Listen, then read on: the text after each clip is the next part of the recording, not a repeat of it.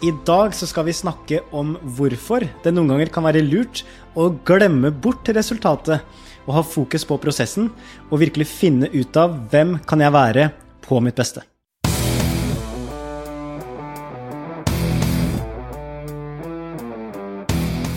Hjertelig velkommen til 10 minutt med Tim Rudi og Marius. En Heart Mentality-podkast.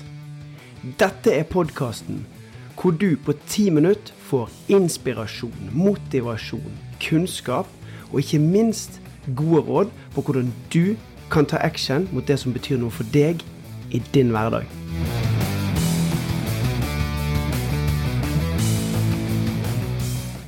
Se for deg at du har planlagt en dag, eller du har planlagt en uke.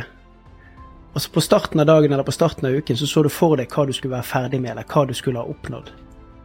Og så går vi kan, si, vi kan holde oss til en uke, da. Så kommer fredagen, og så er ikke du i nærheten av å få gjort det alt det du ville. Bare halvparten av to do-listen din er gjort. Du har ikke nådd noen av målene dine. Det er det vi skal snakke om i dag. For hva er det som skjer når vi har 100% fokus på resultatet? Altså Hvis vi er dønn ærlige. Jo da, altså, fokus på resultatet er viktig. For det gir oss retning. Det forteller oss hvor vi skal, og så gir det oss et bilde av hvordan det ser ut når vi har kommet frem. Det er viktig å se det for seg. Sånn? Kartet og kompasset må stemme til slutt. Men hvor lenge du har dette fokuset, og hvor lenge du står og tenker på sluttresultatet, vil, eller kan, påvirke veien dit. For etter at du har satt målet ditt for uken, så er det på tide å switche fokuset ganske kjapt. Hva systemer er det vi har lagt på plass? Hva rutiner er det vi har planlagt med, som skal ta oss de stegene på veien? Og med det så mener jeg, hva er de daglige prosessene? De aktivitetene og handlingene som skal ta deg nærmere målet? Jeg liker også å bruke metaforen fjelltur. Den er enkel, og så tror jeg du kan kjenne deg igjen i den. Se for deg at meg og deg står på bunnen av fjellet så ser vi opp en fjellrekke. Så kikker vi ned på kartet, og når vi, når vi har bestemt oss for hvilket fjell vi skal bestige, og når vi ønsker å nå toppen, er, er, vi da klar? Er det nok? Nei, det er antageligvis ikke det. For etter at vi har bestemt oss for hvor vi skal, og når vi skal være det, så må vi begynne å se på stegene som skal tas. Og her kommer disse spørsmålene som du kan stille deg sant, når du planlegger uken din, og du har sett for deg hva ditt fjell skal være. Hva utstyr trenger vi å ta med? Hvor mye mat skal vi ha med? Hvor lang blir turen? Hvor skal vi overnatte? Skal vi lage en rute for hvordan det er best mulig å nå toppen? altså, denne listen den kan inneholde mange flere spørsmål, og jeg tror at du som lytter skjønner tegningen. Men tenk tilbake på det her, når du tenkte på det ønskede resultatet. Så har du noen gang opplevd at du bare har kommet 10% av veien? Når fredagen kommer, så skjønner ikke du hvor uken har blitt av. Du vet ikke hva du har gjort, du vet ikke hvem du har vært sammen med, og du aner ikke hvorfor du ikke er nærmere målet ditt enn hva du var på mandag. Jo, det har jeg. Og resultatet er at jeg blir skuffet. Og så tenker jeg kanskje at det var et dumt mål, og kanskje la være å sette meg det målet neste uke. Ja, og når er du på ditt beste, da? Når, eh, hvis du tenker etter da også. Og det jeg er så bra metafor med den fjellturen. fordi at hvis du skal ha en opplevelse da, av den fjellturen, hvis du bare går og tenker på 'jeg skal opp til toppen', 'jeg skal opp til toppen', 'jeg skal opp til toppen', så går du jo veldig ofte også glipp av hva er det som faktisk er rundt deg. Altså hva er det du kan se på veien.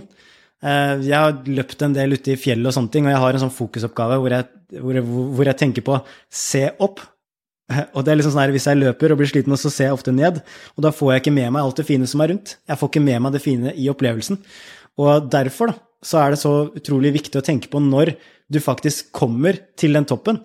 Hva, hva er det som gjør at du faktisk nyter reisen? Hva er det som faktisk gjør at du føler at det blir en god opplevelse? Og veld, veldig ofte så har du sikkert merka det jo, at det er sånn derre Å, når er vi framme? Hvor lenge er det igjen? Resultat, resultat, resultat. Man hele tida har en forventning om at man skal komme fram, komme fram, komme fram. Det skaper ofte, sånn som du sier, skuffelse. Jeg bryter med forventningene mine. Og veldig sjelden så, så er man på sitt beste også når man tenker for mye på resultatet. Så, så, det å faktisk komme tilbake igjen til Det er faktisk prosessen som er viktig. Det er faktisk prosessen og, og, veien. Det er den som hjelper oss fram. Og hva hvis jeg switcher over og blir nysgjerrig på veien, istedenfor å bare hele tida tenke på hvor vi skal, og når vi er framme på toppen? For jeg tror da at det er i hvert fall mye morsommere å nå de resultatene som man også har opplevd mest ved. At man kjenner at man faktisk har vært inni det. Man har kanskje utfordra seg sjøl litt, man har lagt merke til de fine tinga ved veien. Og da kan man faktisk si at wow, det var en fantastisk tur. Hvorfor var det det? Jo, fordi du faktisk la merke til det fine ved turen. Fordi du faktisk var nysgjerrig på den opplevelsen av å faktisk gå dit. Mm. Og det er jo sånn som jeg jobba med f.eks. med idrettsutøvere òg. Eh, veldig ofte så er det sånn hvis du tenker på sånn prestasjon, da, hvis du tenker at du skal nå et resultat, så er det veldig ofte sånn at ja, Si at det er en, en eh, håndballspiller eller fotballspiller, eller de spiller en kamp, da. Og så er du sent ute i kampen. Og så er det jo selvfølgelig viktig å score. Alle, alle har lyst til å vinne, alle har lyst til å score, alle har lyst til å ha et bra resultat. Men hvor er fokuset ditt da, for at du skal kunne være på ditt beste på slutten av den kampen? Og veldig sjeldent så er det å se opp på resultattavla annethvert sekund og tenke på hvor lenge er det igjen. Eh, åh, nå må vi score, nå må vi få et mål, nå må vi få et resultat, nå må vi få et resultat, resultat, resultat. Veldig ofte så gjør det deg også mer stressa og mer frustrert, og kanskje mindre fokusert, fordi du tenker ikke på hva er det som faktisk er viktig i de sluttminuttene. Og det er jo faktisk prosessen. Hva er de oppgavene? Hva trenger jeg å gjøre? Hva er det som er viktig for meg for at jeg skal kunne fortsette å levere? Så det å faktisk glemme resultatet, og la det få lov til å komme av seg selv, og bli en del av prosessen, og bli en del av veien, det kan faktisk være et enormt deilig, befriende tips som jeg håper at du kan ta med deg. Og nå begynner vi å nærme oss disse her rådene, det her verktøyet som vi har lyst til å gi fra oss. For i det du sier, så etter at vi har satt oss målet Bare la oss si at det, det handler om å bli ferdig med en rapport innen fredag. Eller lage en presentasjon. Eller om det handler om å score et mål. Så er det fortsatt de refleksjonsspørsmålene vi må stille oss. Sånn, hva er det første jeg må gjøre for å starte? Det er det første spørsmålet du må stille deg. Hva er det første jeg må gjøre for å starte?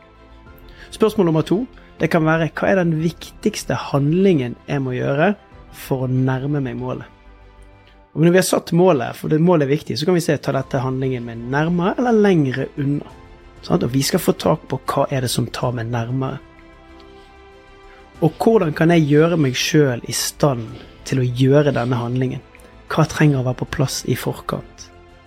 Og Dette er et spørsmål som jeg tror veldig få stiller seg sjøl. Hva er det jeg trenger å gjøre for å være i stand til å gjøre det, den handlingen som jeg har bestemt meg for? Jeg skal komme med et lite eksempel. For eksempel så jeg drømmer om å skrive en bok. Og dersom jeg fokuserer på at jeg skal ha 300 sider ferdig neste sommer, og det er det eneste jeg gjør, og bare tenker på 300 sider neste sommer, så vil jeg ikke bevege meg like fort. Eller jeg vil ikke bevege meg i det hele tatt, som om jeg heller har fokus på prosessen. Hvis jeg skal svare på mine egne spørsmål, så kan jeg si spørsmål én. Jeg må sette av én time i kalenderen min hver dag de neste tre ukene for å brainstorme tanker rundt boken. Én time hver dag. Og så, punkt to, så må jeg gå inn i kalenderen og så må jeg rydde plass til den timen jeg ønsker å brainstorme. Altså Jeg må faktisk lage plass da. Ikke la det være opp til tilfeldighetene. Klokken da, så skal jeg gjøre dette. Og så, på punkt tre, jeg må ha tid. Jeg må ha tid og rom for å kunne skrive. Og jeg trenger å kartlegge hvor lang tid jeg bruker for å komme i modus, for å komme inn i den tilstanden eller det fokuset mitt. Og så må jeg lage en konkret plan for det jeg skal gjøre. Og den kan se sånn ut. Klokken 08.00 så må jeg tisse. Så enkelt er det. Før jeg kan komme i modus, så må jeg faktisk tisse. Klokken fem over åtte så fyller jeg på kaffe og vann. Og når jeg har gjort det, så hører jeg på litt musikk kvart over åtte til klokken er fem på halv ni. Og så må jeg en tur på do en gang til. Og så, klokken halv ni, så kan jeg sette meg og skrive. Og da setter jeg telefonen på ikke forstyrr. Så setter jeg nedtelling på klokken, og så går jeg inn i en 60 minutts boble. Og da har jeg kun fokus på de stegene som er rett foran meg, og det fins ikke en tanke i hele verden om hva dette skal være om et år. Herlig. Så glem resultatet. Hvilken prosess kan du ha fokus på? Gå gjerne gjennom de stegene her. og se hva som skjer for deg.